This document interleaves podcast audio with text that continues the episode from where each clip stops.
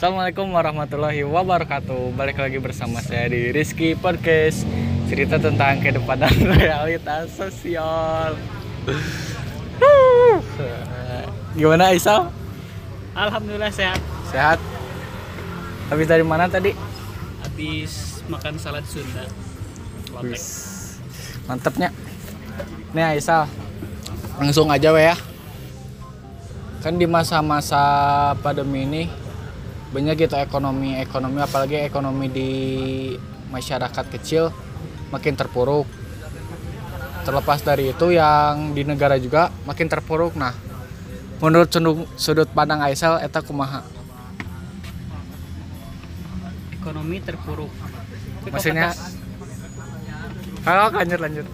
Kalau menurut saya sih balance, tidak terlalu terpuruk tapi tidak terlalu eh, stabil juga gitu.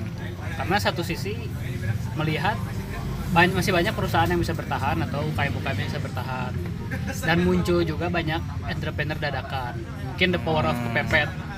Karena yang dirumahkan dan lain-lain. Akhirnya otaknya berpikir bagaimana cara dapat uang akhirnya dagang gitu. Dan kebanyakan ya untuk wak- waktu singkat mereka bisa cari uang juga gitu dengan apa entrepreneur dadakan gitu dengan berwirausaha gitu ternyata banyak juga yang jalan gitu sampai sekarang gitu. meskipun ada juga yang, Yang kembali diam. bekerja ada yang diam gitu tapi kalau negara sih belum kurang mengikuti sih Gitu sih. tapi lebih intinya mah si masalah ekonomi itu emang gimana kitanya juga ya maksudnya ketika misalnya nih, kita sebagai karyawan otomatis kita dirumahkan otomatis kan kita harus bertahan hidup nih.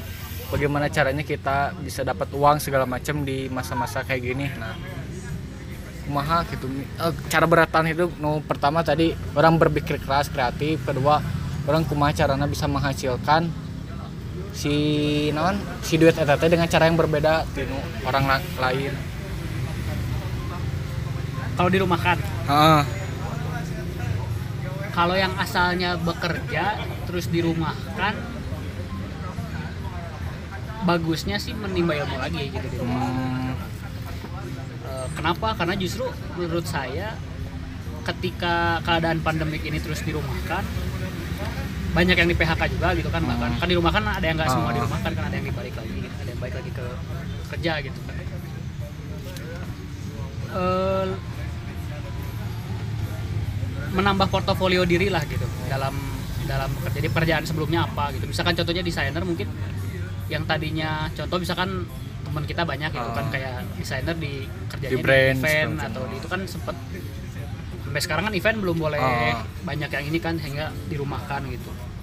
Menurut saya kalau misalkan contohnya desainer itu bisa menambah portofolio diri terus mengasah lagi dirinya dalam desain atau mungkin eh, lebih belajar yang lain juga mungkin yang berhubungan dengan desain misalkan foto videografi gitu kan kan tidak semua bisa foto Hmm. atau desain gitu kan mungkin lebih ke arah sana gitu karena menurut saya kalau bisa mengembangkan diri sendiri di masa pandemi ketika nanti lamaran kerja kayaknya bakal lebih dipakai gitu dibandingkan sama yang sebelumnya gitu. Tapi lah kan tadi berbicara tentang si orang yang kerja dirumahkan. Terus si orang ini mengasah dari dari segi portofolio, skill dan kemampuannya. Nah, itu kan masing-masing si orang ini pasti punya inisiatif sendiri gini. Ah, daripada orang gawe di batur nggak sih orang mending usaha sorangan gitu. Nah, itu solusi atau kumaha gitu. ya itu pilihan masing-masing sih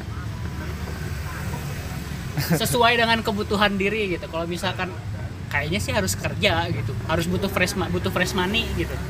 Ya bekerjalah gitu. Tapi kalau misalkan mau mencoba yang tadinya pekerja ingin berwirausaha ya nggak salah juga gitu. Silahkan mencoba juga gitu. Jadi pilihannya ya bisa dua-duanya sih sebenarnya. Tergantung masing-masing orang aja. Berarti emang pandemi ini teh membuat si orang berpikir keras, berpikir kreatif, ada yang monoton, ada yang pasrah? Ada yang pasrah. Nah, eh, nah cara menghadapi orang-orang seperti ini kumaha gitu. Supaya orang teh bisa balance kayak tadi kan ketika orang keluar atau dirumahkan gawe otomatis kan berpikir keras berpikir kreatif segala macam.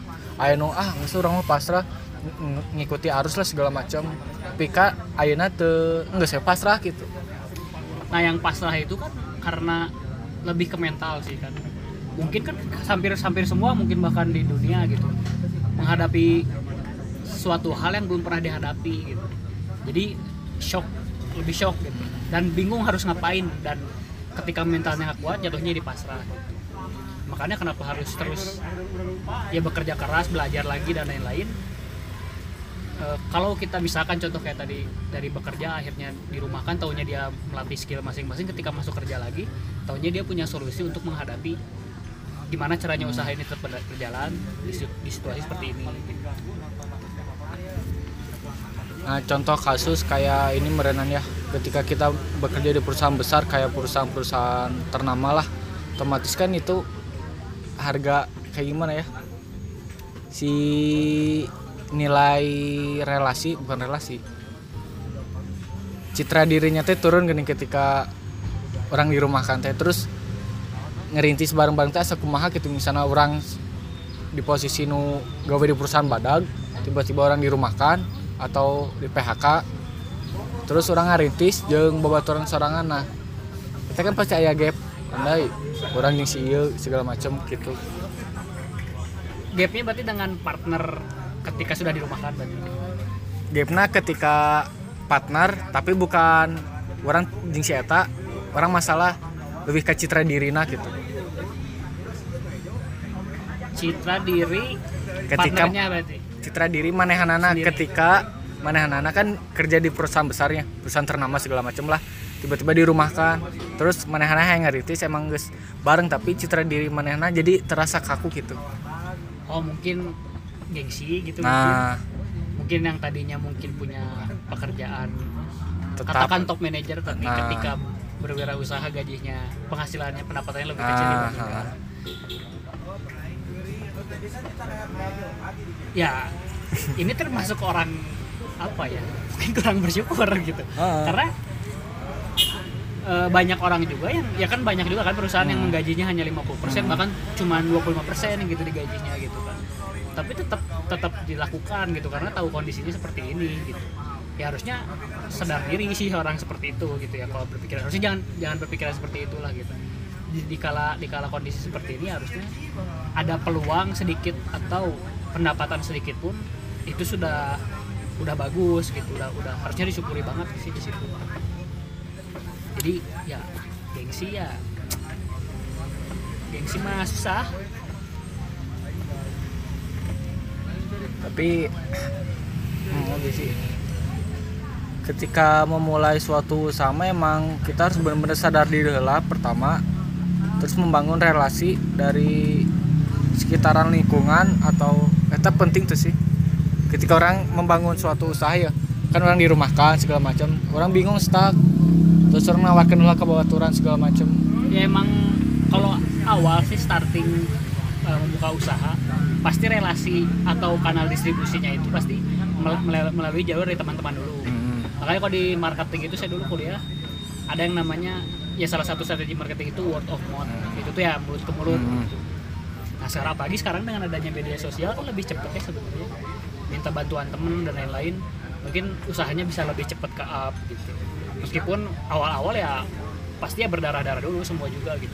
Tidak ada usaha yang langsung. sekali bikin langsung jebret gitu. Itu pun butuh proses gitu. Paling cepat juga dua tahun gitu. Yang yang setahu saya ya udah paling itu aja? Udah weh. Lanjut part 2 nanti. Lanjut part dua nanti ya. Ini mah kesimpulan dari Aisyah nih. Di masa pandemi ini ekonomi kita supaya kuat bagaimana? Terus kita menambah relasi seperti apa? Terus kita menawarkan ke teman harus bagaimana gitu. Pertanyaan pertamanya apa? Waduh. bagaimana cara? Kita menambah relasi. Menambah relasi kalau relasi sih sambil berjalan sih seperti ya kayak air aja gitu ngalir nanti karena kalau usaha itu pasti nemuin pattern jalan-jalannya gitu. Hmm. patternnya pasti ketemu Hmm. setiap setiap waktu gitu ada yang di awal mungkin ada yang di tengah atau ada yang di akhir gitu kalau relasi gitu. kalau cara memperbanyak relasi ya banyak salah satunya mungkin misalkan contoh kita mau bikin usaha brand eh, distro misalkan baju. Ya kita coba deketin orang-orang yang bermain di situ gitu mulai dari dari hulu ke hilir lah gitu dari tukang bahan dari tukang konveksinya lah dan lain-lain dan pelaku bisnisnya gitu. Bagaimana cara memulai bisnis clothing itu kayak gimana gitu. Untuk memulai bisnis apalagi di kala kayak gini gitu kan. Karena rata-rata ya banyak dan harus tahu strategi pivot gitu. Pivot strategi marketing itu ya intinya kalau usaha yang udah jalan ini yang baru atau yang jalan? Yang baru sama yang jalan juga. Iya, kalau baru sih lebih gam bukan lebih gampang. Lebih mudah. lebih karena kondisi seperti ini kan rata-rata Hmm. online ya. iya. Mungkin dia bisa fokus di situ gitu. Tapi kalau yang udah berjalan harus melakukan pivot ya salah satu contohnya. Yang tadinya biasa offline Sekarang mungkin kanal online. distribusinya di satu jalurkan jadi online. Ya, setahu saya gitu terus yang kedua itu nama sih? Relasi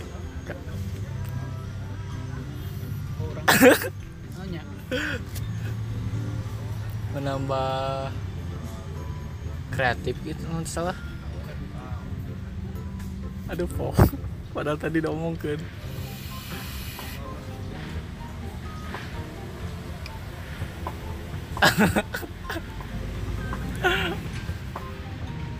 ya skip mungkin di part 2 Skip di part dua ya bener. Sambil ngedengerin juga kan. lanjut. lanjut. Kesim- kesimpulan yang didapat dari ini judulnya bisnis di era pandemi. Ngobrol bisnis lah. Ngobrol bisnis dari orang yang tidak tahu bisnis. Nah tapi kan orang yang berkuliah di bisnis. Salah satu jurusan lah. Maksudnya satu uh, kesimpulannya maksudnya kesimpulan dari mana?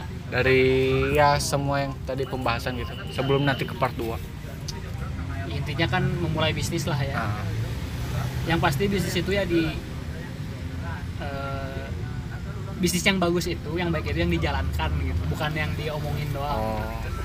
Karena kalau diomongin doang biasanya nggak jalan-jalan. Jalanin aja dulu gitu sih sekuat apa gitu. Dari situ baru kita bisa belajar ya learning by doing ketika di jalan baru oh ternyata di sini gini. Terus kita harus mengembangkan. Yang dari sisi sini A B C sampai Z. Gitu. jadi sisanya ya nanti ketemulah patternnya gitu. Yang penting siapkan mental kalau berusaha gitu. Dan dan yang terpenting ya kalau modal ya. Ya modal. Modal kan bisa dicari ya bisa ada, ada investor dan lain-lain gitu. Dan sekarang juga di kala masa pandemi juga banyak sih banyak kok orang-orang kapital gitu yang mau Membantu lah ya. membantu me- menginvestkan uangnya gitu untuk berwirausaha dari nol. Dan ya tapi tetap profesional. Gitu, sesuai dengan kapasitas. Misalkan ya potensinya di bidang A ya maksimalkan di bidang A. Nanti baru kalau pengen nyoba di bidang B ya dipelajari dulu baru nanti terjun ke bidang B gitu. Nah, ini buat pembahasan kedua profesional di dalam bisnis. Sip. Thank you Aisyah. Assalamualaikum warahmatullahi wabarakatuh. Waalaikumsalam.